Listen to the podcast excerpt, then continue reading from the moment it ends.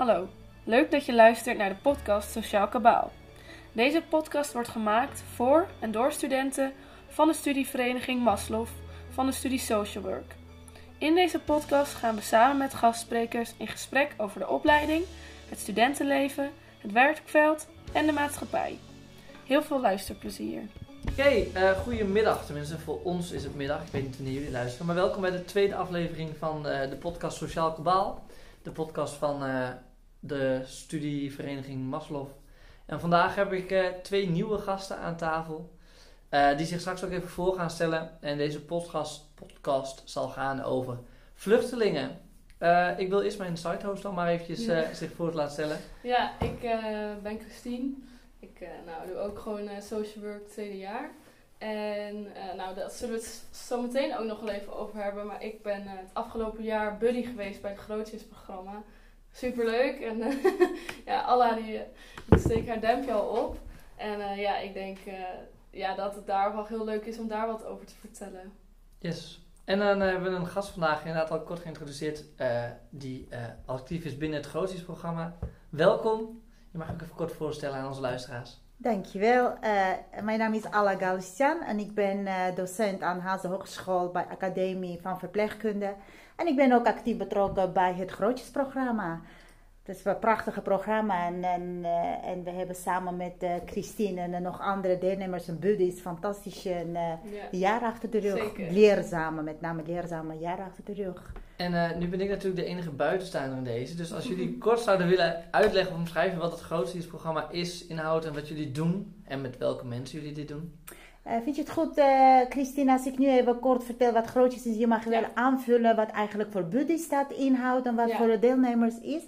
het grootjesprogramma is eigenlijk een programma voor mensen met statushouders. Eigenlijk ook mensen met een vluchteling- of migratieachtergrond. Uh, die hier in uh, Nederland een, uh, zelf ook hoge opleiding willen volgen. Er zijn meestal mensen met een hoge opleiding achtergrond. En dat ze hier in Nederland hun eerste stappen in het onderwijs moeten zetten. En dan kun je wel voorstellen dat het alleen taal spreken maakt het nog niet dat je in één keer op een HBO of WO kan studeren. Dat is best wel complex binnen Nederland. En vanuit het grootjesprogramma samen met een paar docenten en uh, onmisbare uh, buddies die vanuit verschillende opleidingen aangesloten zijn. Uh, zij steunen deelnemers, mensen met een vluchtelingenachtergrond of statushouders, om hun doelen en dromen te realiseren binnen het Nederlands opleidingssysteem, onderwijssysteem. Mis ik nog wat, Christine? Ja, ik, hoe ik het heb ervaren was het ook zoveel meer. Het ging niet alleen over je studiekeuze, dat, dat was ook een heel belangrijk deel. Maar het was zoveel meer. Het was ook echt ja, je welkom voelen in, in Nederland. En een band opbouwen met mensen. En weer kijken naar jezelf van wat, wat wil ik eigenlijk en wat, wat kan ik. Uh, en heel veel ja, echt persoonlijke aandacht en interesse. Dat vond ik echt heel erg mooi. En hoeveel studenten gaat het ongeveer? Nou, dit jaar hadden wij zes uh, uh, deelnemers. Maar uh, de voorgaande jaren hebben we jaren gehad dat echt een tiental hoor, best wel groot was. En dat moeten we ook niet vergeten, hè, dat in 2015, 16 enorme vluchtelingenstroom mm. was het uh, in Nederland. Nu merk je dat die doelgroep wat minder wordt. Maar toch zullen we met elkaar even eens zijn dat ook maar één begeleiden en helpen is er ook echt wat bereikt. Hè. Dat ja. is echt duurzaam. Ja. Ja, zeker. En, en, want zij volgen dan een programma naar Hansen, dus dan zijn ze al uit de AZC's, denk ik. Dan komen, wonen ze al daarbuiten? Of zijn er nog mensen die in de AZC zitten die de programma's volgen? Nee, we hadden geen uh, deelnemers die in AZC nog uh, woonden, nee. nee. Maar het kan gebeuren, hè? want in het proces is het zo dat soms heb je je status, maar niet altijd is het dat je kan echt doorstromen naar woning of ergens naartoe. Maar we hebben daar dit jaar geen ervaring met iemand die in AZC, maar dat het kan. Dat Ja. de mogelijkheid is er wel. Als je Dus dan zijn ze wel, dan mogen ze hier wel blijven, maar hebben ze Ja. nog geen plek om te wonen, dus zitten ze nog in het AZC. Precies. En ik ben heel benieuwd, hoe, hoe vind jij dat, dat, want hoe is dat programma tot stand gekomen? Of is dat helemaal voor jouw tijd? Ja, dat is echt voor mijn tijd. Dat is wel voor mijn tijd. Wat bijzondere van zo'n programma wil ik toch even benadrukken, is het um, uh, multidisciplinaire en interdisciplinaire karakter. Hè? Dus als wij echt met elkaar over inclusie hebben, ik denk dat we over het grootste programma moeten hebben. Binnen Hanse Hogeschool zijn er betrokken docenten die vanuit verschillende opleidingen hè, komen. We hebben fysiotherapie, iemand vanuit een ACLO, ene zit in internationalisering.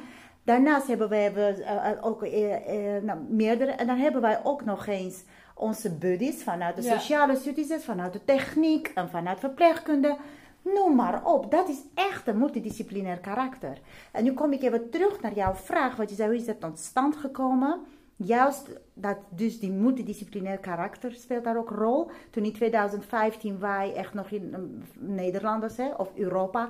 Uh, we zaten echt met onze handen in onze haren. Wat doen we voor uh, deze doelgroep? Zoveel mensen komen nog in Nederland. Hoe kunnen we zorgen voor deze mensen? Onze collega's hebben handen uit de mouw gestoken. Ze hebben wel gezegd, wat kunnen wij doen? Echt onderwijs aanbieden. Hoe prachtig is het? Ja. Echt gewoon hup aan de slag. Ja. En wat ik ook, het is natuurlijk voor de deelnemers nou ja, super leerzaam, maar ook voor, voor buddies. Ik heb zoveel geleerd en het was zo waardevol voor mij. Dus ook, ook om gewoon erbij betrokken te zijn, dat levert je echt zoveel ja, moois op eigenlijk. En wat is die mooiste dan, Christine? Ja, het is een beetje moeilijk uit te leggen. Het was gewoon, gewoon een hele fijne verbondenheid en ook uh, ja, gewoon heel leerzaam en mooi om eigenlijk in iemands leven zo'n kijkje te mogen nemen. En daar ja, ja, je bijdrage aan te mogen doen. Dat iemand weer dat setje in zijn rug krijgt en denkt van ik kan het wel. Want dat is ook zo. Ja, dat vond ik gewoon zo mooi, die betrokkenheid ja, bij elkaar. En volgen die deelnemers ook andere studies of is het echt alleen het programma wat ze volgen? Nou, het is nu, uh, sommigen zijn natuurlijk nog bezig met taalkursussen, want uh, als je wilt studeren moet je een bepaalde mm taalkursus hebben. Uh, maar in principe is het idee om dit programma te volgen en dan ook te kijken, oké, waar liggen mijn interesses en kwaliteiten om te kijken wat wil ik volgend jaar gaan of misschien daarna gaan studeren eigenlijk. Dus het is een soort van um, ontdekkings, ja, een soort van opstapje naar wat wil ik studeren en hoe kan ik dit het makkelijkst gaan aanpakken. Ja, maar ook, ook hoe hoe, hoe, hoe, hoe zijn dingen in Nederland geregeld? Uh, Nederlandse politiek, cultuur, maatschappij, maar ook hoe verhoud je tot elkaar? Uh, interculturele vaardigheden. Kom je daar eens bossingen tegen? Dat een, een nou, laten we zeggen, iemand die uit een, een land komt waar het misschien heel communistisch zou zijn, of hè, waar ze altijd onderdrukt worden, dat zij anders tegen bepaalde principes aankijken of dingen hoe wij dat doen? Mm, ja, ik denk, het is wel hele open, open communicatie. Dus, maar het is natuurlijk wel, ik als uh, ja, Nederlander ben gewoon straight to the point. En uh, nou, ik zou gewoon even een appje sturen van, nou, dit gaan we doen, zeg maar. Maar in andere culturen is het ook veel ja, normaler om ook even, wat, even hoe gaat het met je, om, om dat te doen. Dus dat, ja, dat merkte ik ook wel bij mezelf. Dat als ik bijvoorbeeld even bel, dat ik al wel straight to the point wou gaan. En dan, oh ja, dat, dat, dat is eigenlijk heel Nederlands, zeg maar. Anders communiceren. Ik kan even aan de hand van een voorbeeld brengen. Je, wilt, je weet het in Nederland hoe belangrijk is het zelfreflecterende vermogen. En uh, hoger onderwijs, ja, HBO, is ook gebaseerd op een reflectie, zelfreflecteren, naar jezelf kijken. ik denk als social workers dat je dat kan dat beamen, ja, wij, moeten niet, wij doen niet anders. In, uh, Dan reflecteren, hè. Ja. Dus ik weet dat wij echt in de eerste weken, wel, krijg je wel weerstand, wat je zegt, uh, onze deelnemers zijn gewend aan het systeem. Dus eigenlijk op kennisgerichte onderwijs. Ik wil niet zeggen dat dat goed is of beter is of slecht. Absoluut niet. Maar ze zijn wel anders gewend. En ik weet dat wij hebben kritiek hebben gekregen. Ik weet nog derde les was of vierde week. Een van de studenten zegt, ja maar ik snap het niet. Als ik zoveel over mijzelf moet praten, wat moet ik dan uiteindelijk leren? Het was echt, en dan kom erop met een kennis, kom erop met uh, theorie. Ik wil theorie leren.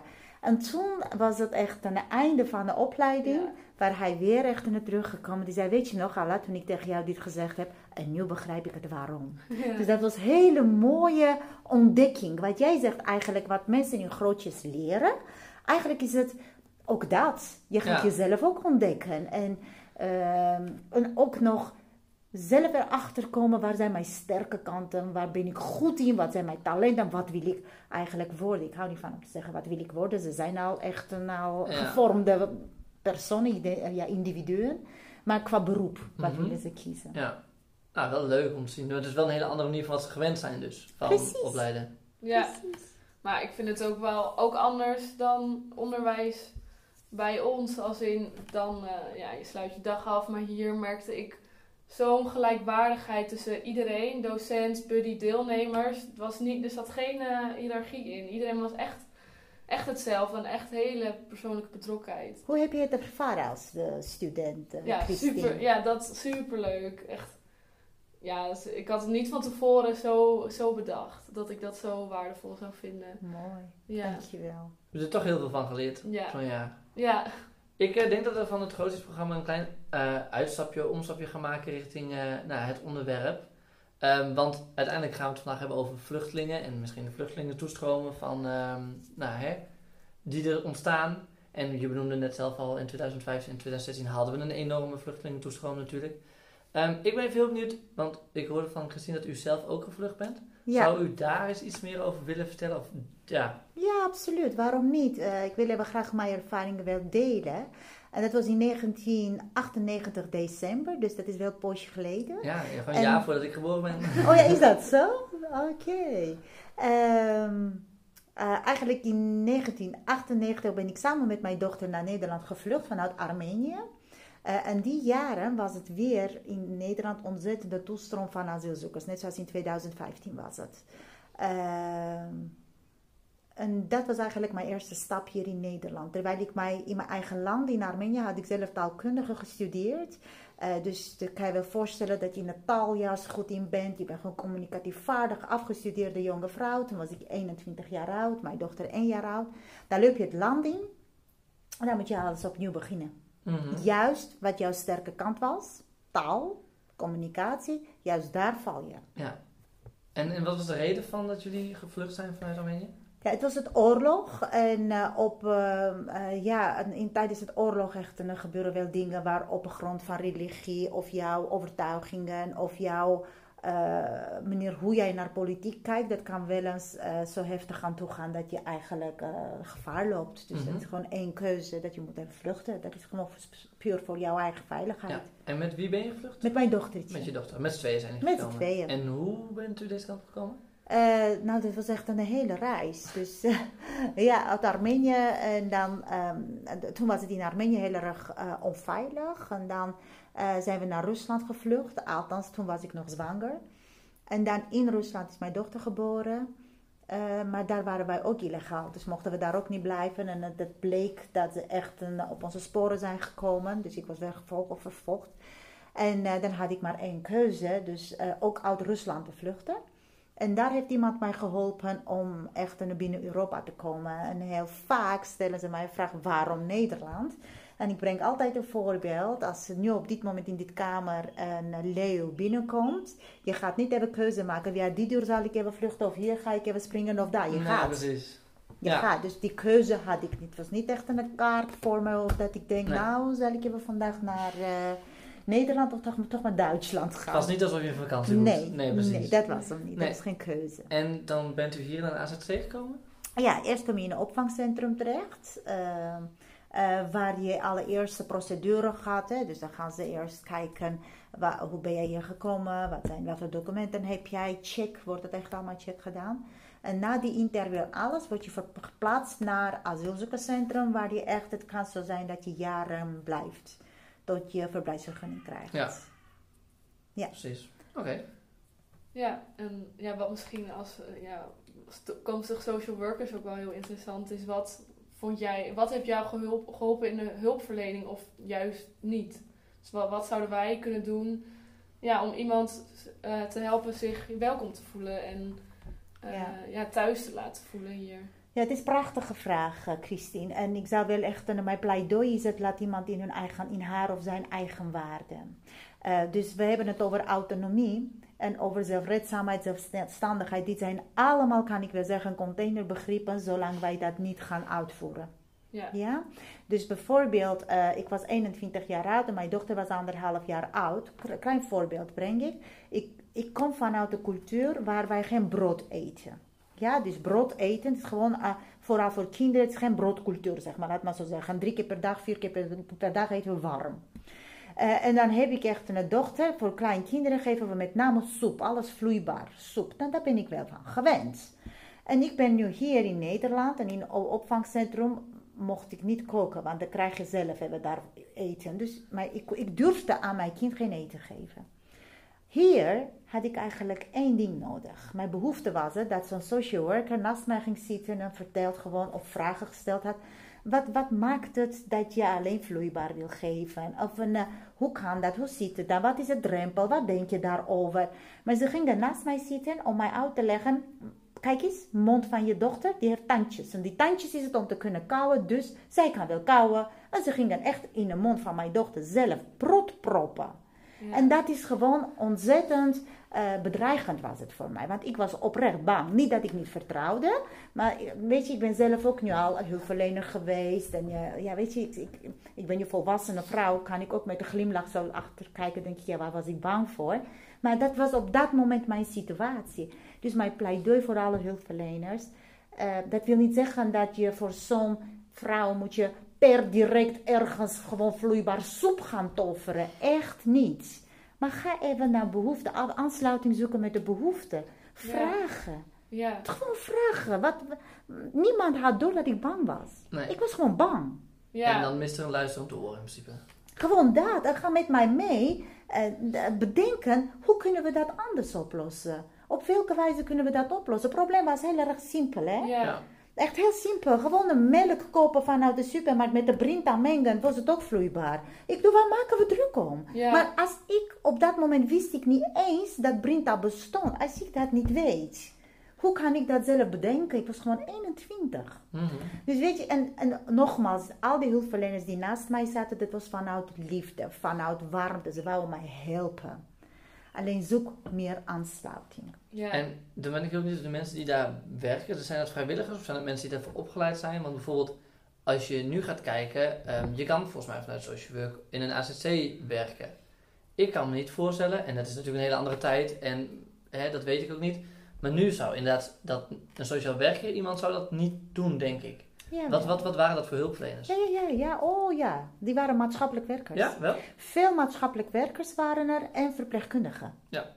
Ook verpleegkundigen. Bij een medisch centrum, Mhm. daar, tegenwoordig heet dat gezondheidscentrum voor asielzoekers, werken verpleegkundigen. En met name HBO-verpleegkundigen. En dan daarnaast waren ook bij COA met name social workers, ma- maatschappelijk werker. Weet Ja. ik ook dat ik dat wel hulpverleners wel gehad had. Ja, ja. Maar wel, zullen we ook niet vergeten, hè, dat eh, toen, wij, gaan, wij zijn nu echt meer in, eh, toen was het waarschijnlijk meer verzorgingsstaat. Ja. Dit was meer Ja. dat, waar ik ga voor jou zorgen. Ja. Hè? Dus dat moeten we ook niet vergeten. En het komt wel goed als wij het eh, voor je precies. regelen. ja, nu inderdaad, eh, autonomie is een van de belangrijkste kernwoorden van de studie geworden, denk ik. Ja, Ja. precies. Nou, maar hoe dat geef je vorm? Hè? Dat. Ja. Ja, Ja. ja. dat is zo inderdaad. Het, is wel een heel mooi woord, maar je moet ook naar handelen. Maar ja, Nou, het is natuurlijk wel de kant waar de maatschappij nu op gaat. Niet alleen met, eh, ehm, nou in dit geval asielzoekers, maar ik denk dat dat op elk vlak nu geldt. Ik bedoel, oude mensen zo lang mogelijk thuis wonen. Ja. Eh, autonomie is inderdaad wel een, eh, ja, een ding waar onze maatschappij naartoe gaat. Wat ergens ook wel logisch is, want het kost pakken met geld. Ja, precies. Maar ik ben eigenlijk nieuwsgierig naar. Ja, stel dat ik die, die voorbeelden schets ik voor jullie. Hoe zou jij bijvoorbeeld zo'n situatie aanpakken? Als je zo'n vrouw hebt, 21 jaar oud, heeft een kind in haar handen. Waar, wat, waar, waar zou jij nieuwsgierig naar zijn? Nou, nieuwsgierig of hoe ik dat met het broodje zou aanpakken? Eigenlijk, die, ja, die voorbeeld. Gaan we terug naar die voorbeeld. Nou ja, kijk, ik kan me nu niet meer voorstellen dat ik het zou doen zoals u vertelt. Kijk, eh, ik denk als je me dit voor de opleiding had gevraagd, had ik niet het antwoord gegeven met hey, erover praten. Kijk, nu zit ik in mijn derde jaar van de opleiding ja, en zou ik zeggen, je moet inderdaad gewoon het gesprek aangaan. ja. Ik denk als je mij dit drie jaar geleden gevraagd had, toen ik van mijn mbo-opleiding opkwam, dat ik ook had gezegd van ja, eh, ja hoezo eten geen brood?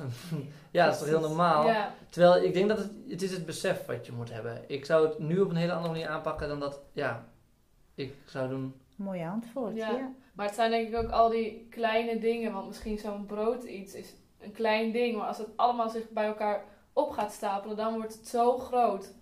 Eh, mag ik even daar even ook wat terug gaan? Want brood, we gaan even weer terug naar eerste levensbehoeften. Voor de moeder van 21 jaar oud, voeding Ja. van je kind Ja, is het allerbelangrijkste. Ja, Want op dat moment dacht ik, als zij niet eet, gaat ze dood.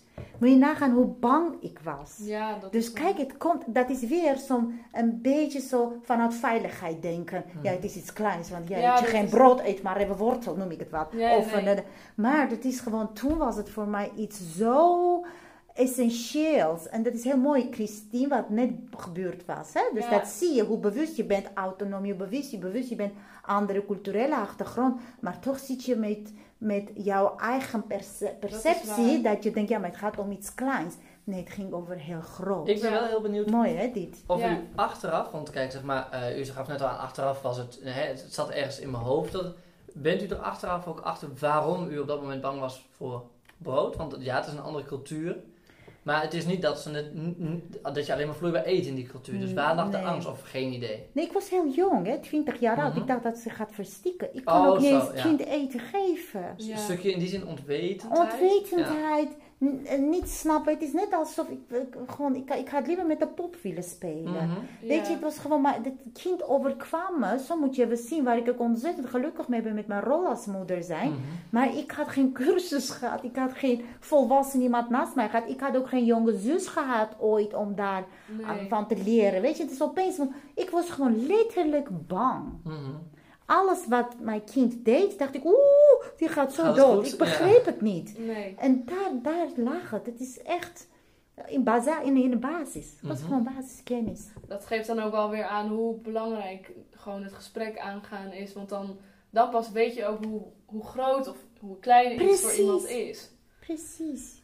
En zijn er dingen, want u heeft het hele traject dus meegemaakt, hè? het vluchten, ehm, de AZC, uiteindelijk eh, hè, is alles zoals het hoort nu.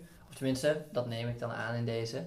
Maar ehm, ehm, in dat hele proces, had Nederland daarin iets anders moeten doen, kunnen doen? Zijn er dingen waarvan u zou zeggen, oké, als ik dat nu kan veranderen vandaag de dag, in het proces van vluchtelingen opvangen, is er dan iets wat u zegt, dat zou ik anders doen? En zo ja, wat zou u doen? Ja, ik denk het wel. En eh, voor, voordat ik het begin te vertellen, ik wil even toch mijn dankbaarheid nogmaals hier uiten. Dat ik vandaag in Nederland ben, mijn dochter, ik, dat wij zo veilig zijn. En dat wij alle kansen hebben we gehad om hier ons te ontwikkelen. Nee, zowel mijn dochter als ik hier konden met elkaar ook hoogopleiding tot dan eh, WO. En dan, eh, dan, dan heb ik fantastische baan. Als docent ben ik hier echt bezig aan het werk, wat ik fantastisch vind. Ik ben dankbaar. Maar toch had anders gekund. Ja. Bijvoorbeeld, mag ik heel snel, want tussendoor voor het antwoord komt, dankbaar richting... hele Nederland, dit land dat die kans ons gegeven heeft. We hebben die kans gehad. Ja, oké. Ja, en ik ben echt, had anders ook gekund. Die kansen liggen, natuurlijk was het wel echt een hard werken, maar we hebben het gedaan en Nederland heeft die ruimte gegeven om die kansen te grijpen. En die veiligheid geboden, alles. Ik ben blij dat het kon. Ja.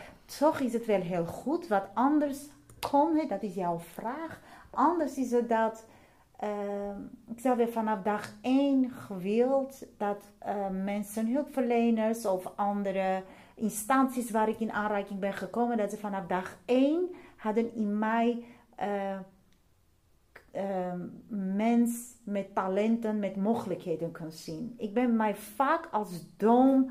Ik, ik, ik, voel, ik kan ook gevoel zijn. Er zit er ook gevoel bij, maar er zit er ook dat ik kan ook voorbeelden brengen dat ik heel vaak als dom word behandeld. Hè? Dus ik heb nu accent en als ik ergens binnenloop, dan zie je dat heel vaak eh, eh, mensen beginnen echt eh, wat langzamer articuleren, zodat Mhm. ik het begrijp.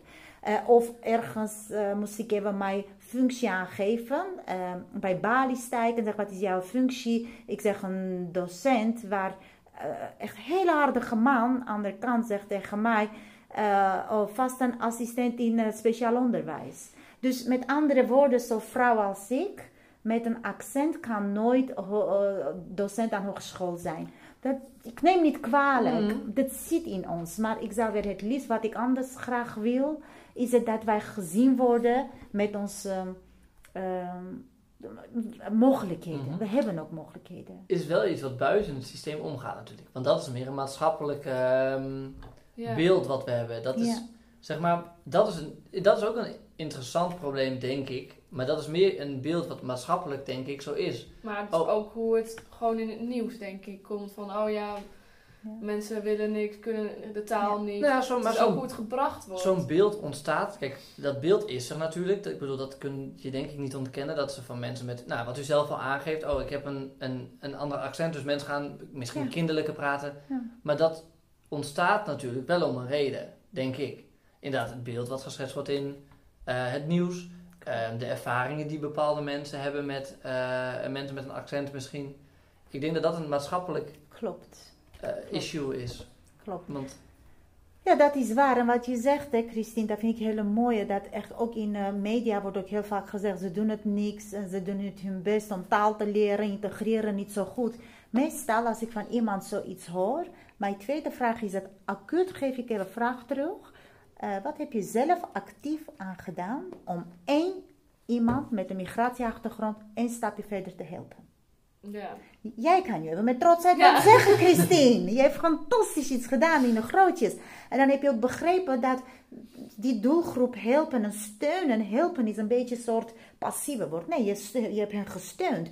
Dat was ook voor jezelf leerzaam. En dat Ja. heb je zelf ook, wow, dacht je, wat Ja. ontdek ik hier. Juist, inderdaad. Het was niet van, oh, ik ga even helpen. Maar het was echt ge- gelijkwaardig Precies. van, elkaar. eh, Met elkaar samen, van elkaar leren. Fantastisch je dat benoemt. En dat is het wat ik echt terug wil geven aan onze maatschappij. Voordat je iemand zegt, doet niet goed zijn of haar best. Wat was jouw actieve eh, stap wat jij gedaan hebt om daaraan iemand te helpen? Ik denk dat dat een eh, wijze les is. Of in ieder geval iets wat je mee kan geven aan, Graag, in dit geval, de mensen die luisteren. ja. graag. Ja, ehm, ik denk dat het leuk is om eventjes een stelling erbij te pakken. En ehm, ik ben heel benieuwd wat hey, jullie daarvan vinden. Eh, tenminste, ik denk dat iedereen in Nederland hier een mening over heeft. Eh, Nederland doet genoeg om vluchtelingen op te vangen en begeleiden. Is er iemand? Ja. Ik sla, ja, ik ik denk, er, eigenlijk hoe het net ook al besproken, er wordt heel veel gedaan, maar ehm, zo'n programma als nu eh, wordt opgezet van het grootste dat zijn hele mooie dingen, maar dat wordt niet per se vanuit, vanuit de overheid gedaan. Dat zijn dingen die zelf omhoog komen. En in de overheid, ja, dan zie je toch meestal weer van, oh, eh, we moeten het meer verdelen en moeten zo min mogelijk mensen opnemen. En als we hem dan als politiek recht trekken, dan doen we het puur vanuit de politiek. De Nederlandse politiek doet genoeg om vluchtelingen op te vangen. Want kleine initiatieven zijn er wel, maar die gaan natuurlijk op grote schaal en op de hoeveelheid vluchtelingen die er misschien zijn, komen of geweest zijn, niet dekken, denk ik. Nou, onderschat die kracht van onderstroom niet. Ik ben benieuwd. Wat ook Christine heeft gezegd, wij hebben met elkaar, toch, mijn collega's althans, ik heb gewoon er zo ingestroomd, dus ik, dat hebben mijn Mhm. collega's zo'n grootje zeg, hebben neergezet. Dat is ook vanuit onderstroom ontstaan. En dan moet je nagaan, dat is gewoon ook breed. het is gewoon iets heel bijzonders. Hè? Het is gewoon eh, over inclusie, eh, over divers, eh, over duurzaam, over eh interdisciplinair, multidisciplinair, alles zit erin. En dat is ontstaat vanuit echt onderstroom. En wat als degene die nu naar dit podcast luistert, nu gaat even achteroverleunt en zegt, hey, wat kan ik vanuit onderstroom nu voor elkaar krijgen om echt iets te kunnen doen voor deze doelgroep. Mensen met een migratieachtergrond iets doen. Wij willen toch allemaal met elkaar en samen doen, hè? En Nou. als iedereen zo klein, klein, klein, klein, klein, zo'n projecten ontstaan, nou, dan moet je even zien hoe vanuit de politiek ook veranderingen plaatsvinden. Daar geloof ik heilig in. Maar iedereen wil helpen, zegt u. Nou ja, als iedereen dat zou willen. Maar is, dat is dan, en, want dan wil ik een beetje gaan prikken. Er zijn heel veel mensen, in ieder geval, hè, we hebben een politieke partij met ontzettend veel eh, zetels in onze Kamer, die eigenlijk, je kan wel zeggen, er alles aan zou gaan doen om vluchtelingenstroom te stoppen. Dat betekent dus ook dat er bijna 2 miljoen mensen op gestemd hebben, en dus ook 2 miljoen mensen, en dan niet alleen niet willen helpen, want die mensen zijn meer dan niet alleen willen helpen, die mensen willen ook het liefst ze weg hebben. Hoe, hoe ga je met dat soort mensen om en dat soort gedachtenstromingen? Wat zou je willen zeggen tegen mensen die eigenlijk, als je ze nu zou vragen, zou zeggen: nee, die moeten we hier niet hebben? Ehm, ik zou wel even gewoon willen zeggen, en durf ik dat te zeggen, dan moeten ze gewoon hun huiswerk beter maken. Dus eigenlijk echt een, vanuit de politiek gezien, ehm, ik ben ervan overtuigd dat elk politische partij, politieke partij, iedereen staat echt voor mensen zijn. Ik geloof heilig in dat wij gewoon voor mensen staan. En deze doelgroep, die mensen, die partij die op dit moment nee zegt tegen deze doelgroep, mhm. diep in zijn hart zegt ook ja. Daar geloof ik in. Maar toch zeg ik even, stel dat ze nu even nee zeggen, kijken we keihard die nee. Dan denk ik, op het moment hebben we met elkaar allemaal echt mensenrechten. Dat is internationaal. Dus ook als wij in Nederland zijn en als in Palestina of in uh, Armenië of in uh, uh, Oekraïne of in Wit-Rusland, als iets gebeurt die tegen mensenrechten is, dan moeten we met elkaar ook opstaan. Ja. Dan moeten we gewoon echt staan en durven ook te praten, ondanks tegen wie we gaan zeggen welke grote politieke leiders wij moeten tegen opbotsen. Dus dan denk ik op het moment dat je dan niet voor kwetsbare doelgroep opkomt, dan kan je ook verwachten dat deze kwetsbare doelgroep zal uiteindelijk van hun eigen land vluchten. Ja. Dus dan hebben wij allemaal met elkaar verantwoordelijkheid om ook die mensen in hun eigen land wettelijk ook steunen. Ja. En mensen, ik heb gewoon vanuit die grootjes ook geleerd, met meerdere mensen heb ik gesproken. En zij zeggen, wij vanuit ons land, we zitten niet op geld te wachten. We willen rechtvaardigheid. Dat is het wat wij willen. Op aansluitend, en ehm, dit is een van de dingen die ik vanmiddag tegenkwam. En dat stond uh, onder andere bij, ehm, nee, niet bij de partij waar we het net over hadden. Bij een andere partij die wel tegen, of in ieder geval tegen meer vluchtelingenstromingen is, die zeggen het heeft niet zoveel zin om de mensen hier of te halen, hè, maar tussen haakjes hierheen te halen, want dat werkt niet. Je kan niet iedereen die in een land woont bij ons. We moeten hulp bieden. Wat vind je ervan dat, want nou, die partij zegt dus oké, we kunnen vluchtelingen opvangen als het nodig is, um, maar we moeten kijken waar het probleem ligt en het daar oplossen. Wat vindt u van een partij die zoiets zou uitdragen? Uh, het is wel mooi wat je zegt. Hè? En alleen het is wel prachtig dat je jezelf ook gecorrigeerd hebt. Hè? Die mensen hier binnenhalen, die mensen laten in. Dus dit is al zo'n superieure taalgebruik. Dat ik dag in dag uit in, uh, in de kranten lees. Dan krijg ik er gewoon kippenvel van. Hoe kunnen wij over mensen zijn daarover hebben? Mm Hè? Dus ik uh, bedoel, gewoon zelfs zaak aardappel haal ik niet zo en breng ik ergens naartoe. Laat maar staan over mensen zo praten. Maar ik begrijp precies wat je zegt. En mijn complimenten, je hebt jezelf ook gecorrigeerd. Ehm, ja, ieder mens wil eigenlijk op eigen grond blijven. Laat maar even mij op mijn eigen grond, in mijn taal spreken, waar ik echt niet hoef onzeker te zijn, waar ik niet hoef even te bewijzen dat ik niet dom ben. Uh, we hebben echt, elk mens die wordt ontworteld. Dat is niet zomaar die wordt ontworteling. En nogmaals, onze vraag aan internationaal is het niet help mij met geld. Come on man, die geld kunnen wij heel goed verdienen. We zijn harde werkers en we kunnen het. Wij willen iets anders voor rechtvaardigheid en steun ons wettelijk. Op het moment dat onze mensenrechten worden geschonden door onze buurlanden en ook als wij ook anderen dat doen. Nee, ik zeg niet alleen over, ik wil niet over één volk praten. Je doet naar elkaar als het oorlog is. Dan moeten we wettelijk gewoon mensenrechten en organisaties opstaan en daar wat aan doen. Rechtvaardigheid, gelijkheid in kansen geven. En niet zeggen lekker veilig, nou ja, hier hebben we hebben wel goed genoeg, laat maar even stikken. Nee, dat, dat, dat kan niet. Dat vind ik niet eerlijk. Als ik ook uh, zou denken van als je vlucht uit je land, je laat alles en iedereen en je, ja, ik zou voor als ik voor mezelf spreek, zou ik bijna een stukje van mijn identiteit eigenlijk achterlaten. En als je dat doet en zo, zo maar weggaat, dat, dat doe je niet omdat je denkt van nou, uh, het is iets beter daar. Dat doe je omdat je gewoon reddeloos niet meer een andere oplossing ziet. En als ik weg zou gaan, dan zou ik mijn eerst uit Nederland, als ik geen andere optie meer zie, dan zou mijn eerste gedachte ook zijn, nou, kan ik naar België of kan ik naar Duitsland? Dus moet je nagaan hoe iemand zich moet voelen die zo'n gevaarlijke reis alles op het spel zet om dat te doen. Ik denk dat mensen zich dat ook niet beseffen.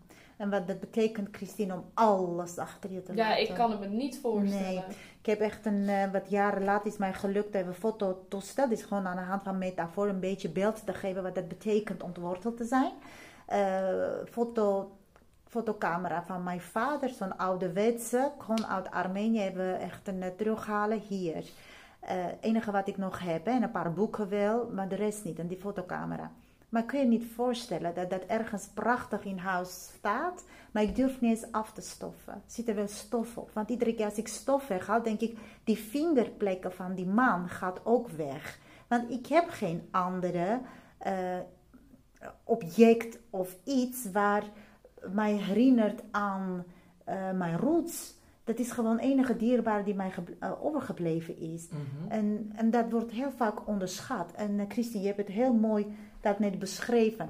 Uh, ik heb eigenlijk een vraag voor jou. Had je dat eerder ook gehad, zo'n gevoel? Hè? Dat, want je hebt zo mooi kon je beschrijven wat dat betekent om weg te gaan van je eigen land.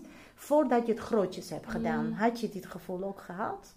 Een beetje, maar nu denk ik van ja, nu heb ik dat heb ik daar wel echt geleerd. Ik bedoel, ik had natuurlijk, ik had altijd wel een van goh, ik kan me niet voorstellen hoe het is. Maar nu denk ik echt van ja, van jeetje, dat kan ik me kan niet bij hoe moeilijk dat moet zijn. Nee. Dat, dat heb ik echt geleerd. Ja, zeker. Mooi. Ja. ja, ik denk ook dat het, uh, dat, dat wel bijdraagt. Inderdaad, vooral als je Ja. zelf zo'n uh, uh, programma bijwoont, dan Ja. ja. ja. je leert er wel heel veel van. Dus dat scheelt denk ik wel. Wat misschien nog wel ook leuk is om te noemen. Ik weet even niet hoe die site heet. Die staat hier wel bij met die. eh, eh, die heb jij, of die heb ik dan gedaan over hoe Oh, het ja. is om. eh, dat je, stel, je moet, komt dan ja, een site tegen, of een- het is een site en dan staat dan dat je uit Syrië gaat vluchten en dan heb je zoveel geld. En dan moet je telkens alsof je zelf een vluchteling bent, wilt vluchten, echt bepaalde keuzes maken. Hoe je, en je kunt in Nederland eindigen, maar ik maak telkens. Ik, ik heb het al een paar keer gedaan, maar ik bleef echt doodgaan op een hele Volgens- gruwelijke Volgens manier. mij Echt. kunnen we in de omschrijving van de podcast wel een link zetten. Ja. Weet ik niet zeker, dus als jullie hem niet zien staan in de link, dan sorry daarvoor. Ja, Maar ik weet welke je bedoelt. Hij staat ook wel op mijn WhatsApp. We gaan hem proberen in de... Oh, eh, ik heb hem ook even gespeeld inderdaad. Ik weet niet of u hem zelf... Nee, Oh. nee, ik ben nieuwsgierig Nou ja, naar. het is wel grappig en dat je speelt als vluchteling, je moet bepaalde keuzes maken. Ik heb het ook drie keer geprobeerd, ik ben ook drie keer niet aangekomen. Dus dat is wel... je, eh, je kunt aankomen. Dat is.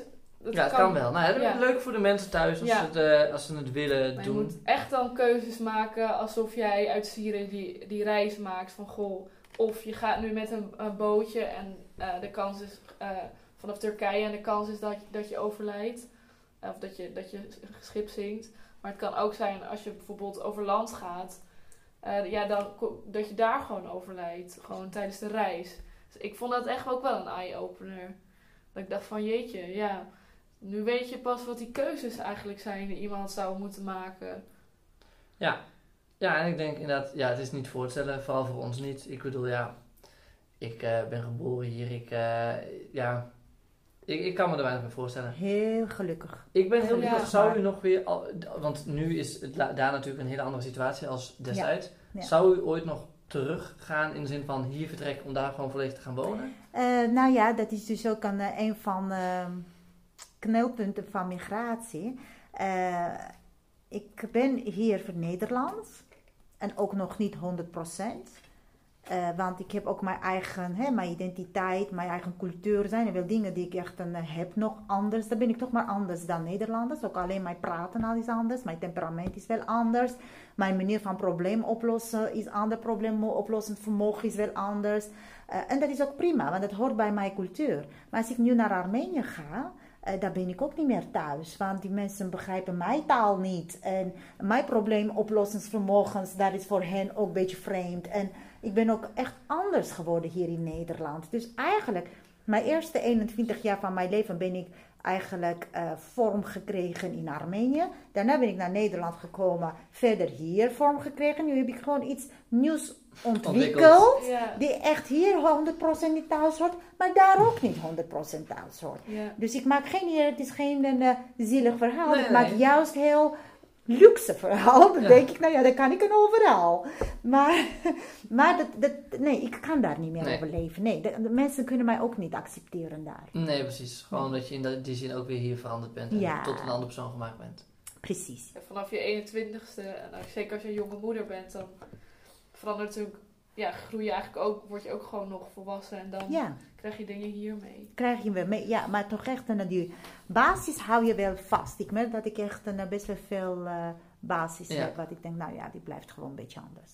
Ik ben, eh hoeft u absoluut niet te beantwoorden, alleen als u het wilt. Ik ben wel benieuwd, politiek gezien, wat, wat, want zeg maar, er worden, ik vind de politiek in die zin heel interessant, vooral ook om dit onderwerp, want er wordt natuurlijk best wel veel over gesproken. En vooral de laatste tijd merk ik heel veel dat, nou, er wordt gezegd, we willen niet meer opvangen, et cetera.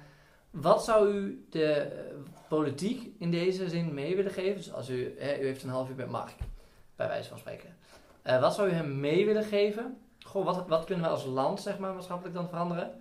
En hoe kunnen zij dat politiek gezien veranderen om iets bij te dragen aan... Moeten we meer opvangen? Of moeten we meer doen om ze daar te helpen? Ja. En hoe zouden wij als uh, bedrijfsleven... Uh, ja, ik zou even met beste Mark willen even hebben. Meneer Rutte, zou ik wel heel graag even willen vragen. Zorg dat wij ook vanuit de mensenrechtenorganisaties dat we veel meer steun in hun eigen land hebben kunnen geven. Niet omdat ik ze niet hier wil hebben, absoluut niet. Maar zoveel mogelijk in hun eigen grond hulp en steun bieden. En dit is gewoon puur gewoon dat het niet onderdrukt wordt, die, die kwetsbare doelgroep. Uh, en als dat ook niet lukt, dan in ieder geval hier in Nederland zorg ervoor dat veel meer uh, ruimtemogelijkheden zijn voor zo'n het grootjesachtig uh, programma's. Yeah. Die wat groter in elk school moet dat geïntegreerd hebben. Elk school, overal in Nederland moeten we dat hebben. En nu hebben wij, we zijn zo braaf en hebben we lef binnen Hanse Hogeschool dat we zo'n van uh, bottom-up, zeg maar, dit opgesteld hebben. En natuurlijk, hè, moeten we ook niet ver vergeten dat tot een uh, top zijn er achter ons. Staat. De hele Hanse staat achter ons wat wij nu doen.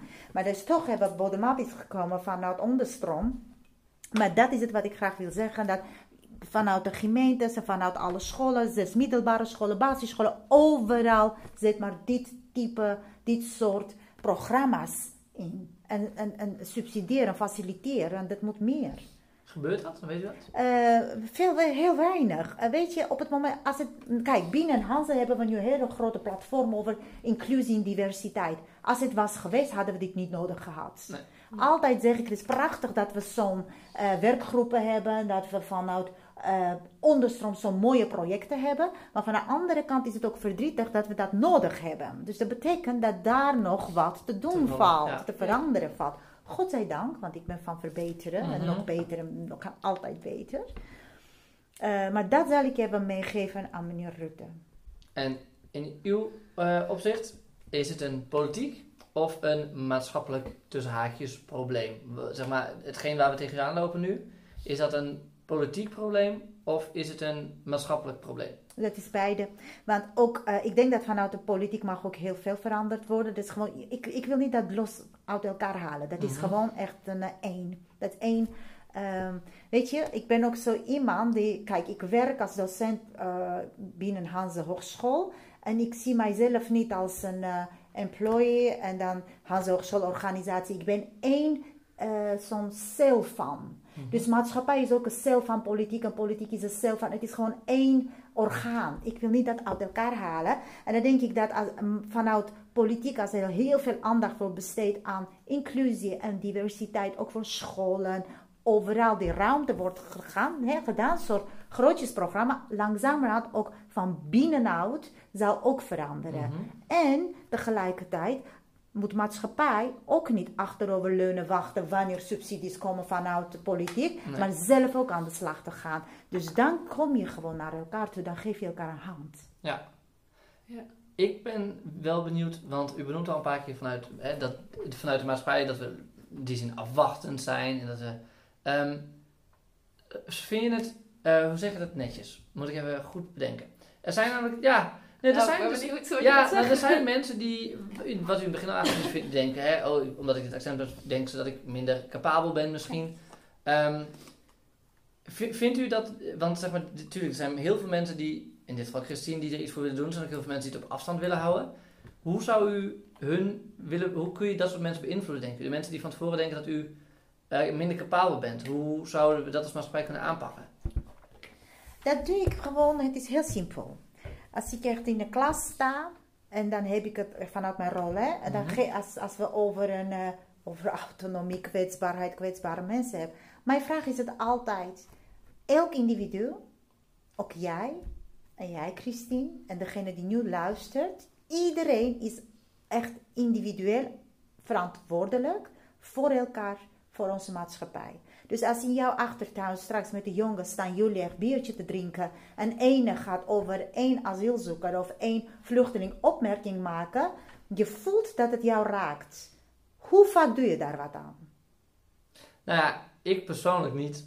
Ehm, dat heeft denk ik deels te maken met dat ik het niet zoveel hè, ermee te maken heb. En omdat ik, maar dat, dan moet het niet over iemand persoonlijk gaan, maar over het algemeen. Als iemand een grapje maakt over vluchtelingen in het algemeen, vind ik dat dat moet kunnen. Omdat ik vind dat je overal grapjes over moet kunnen maken. Als het gaat over een persoon, als ik iemand zou kennen, een vluchteling, dan zou ik er eerder wat van zeggen. Ja, dat is een hele mooie eerlijke antwoord. En toch in dat algemene, als je generalistisch is, zo generaliseert mhm. over alle allochtonen of mhm. over hele Nederlanders en Belgen, hebben we mooie moppen. Dat moet kunnen, dat snap mhm. ik wel, het moet kunnen. Maar overal is er ook grens.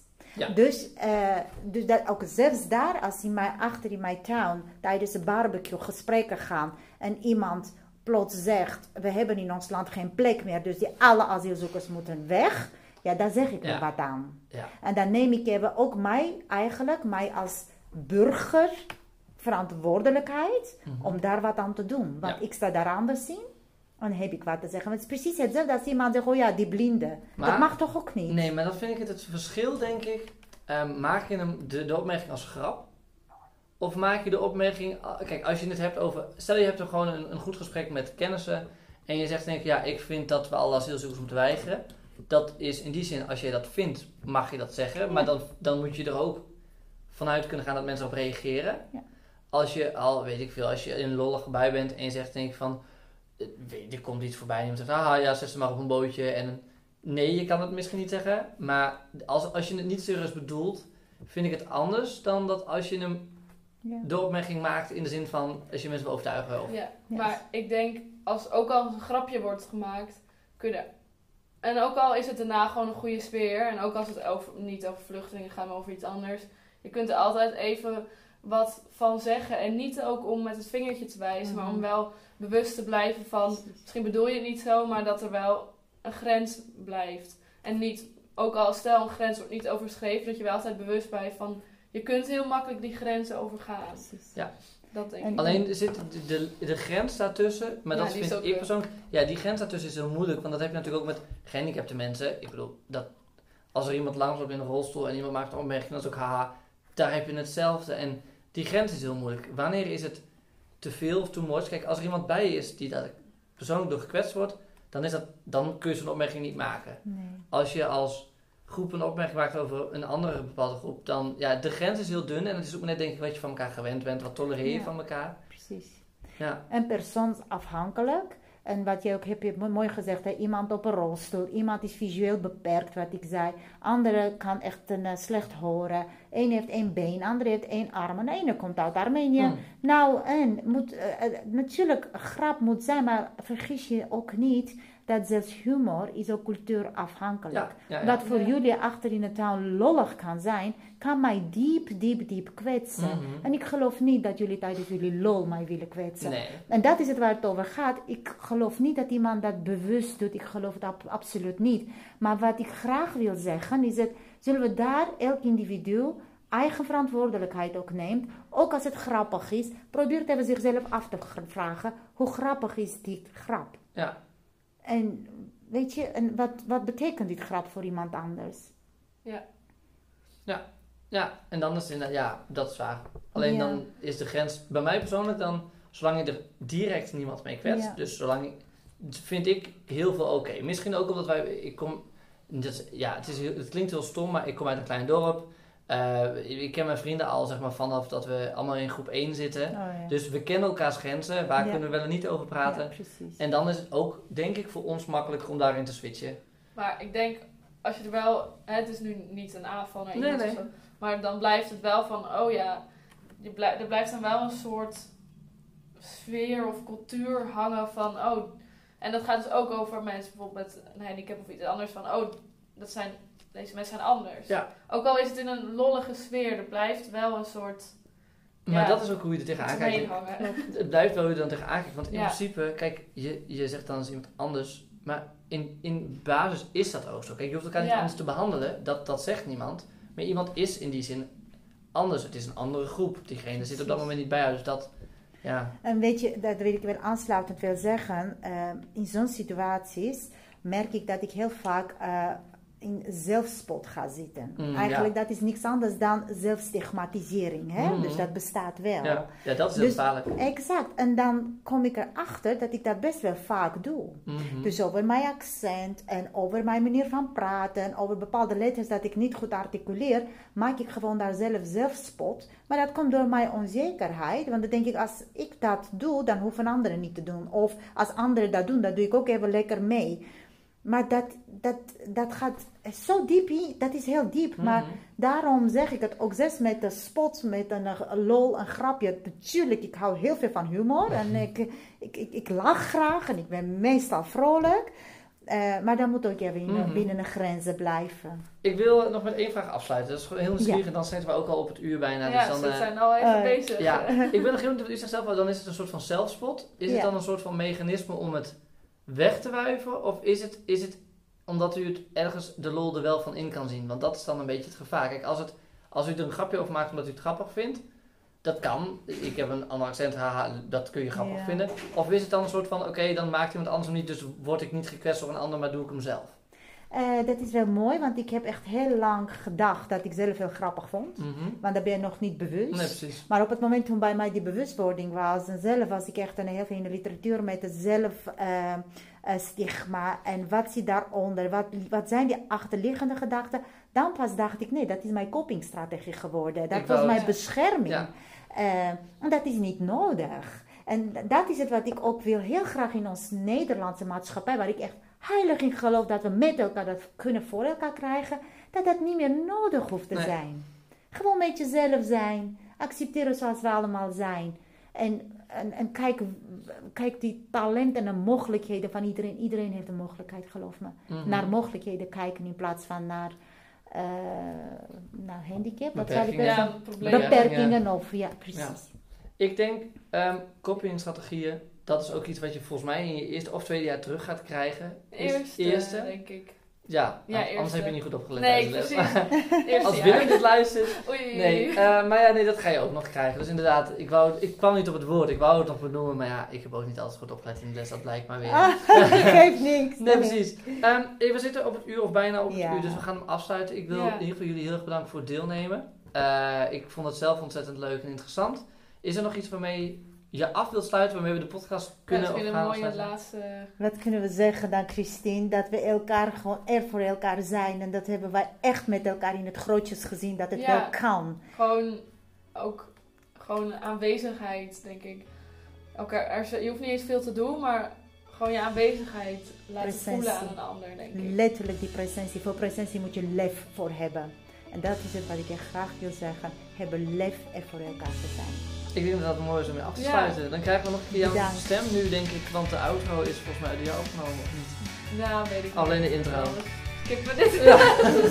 Nee, maar bedankt voor het luisteren en eh, tot de volgende keer. Jullie Ja. ook bedankt. ja, heel erg bedankt.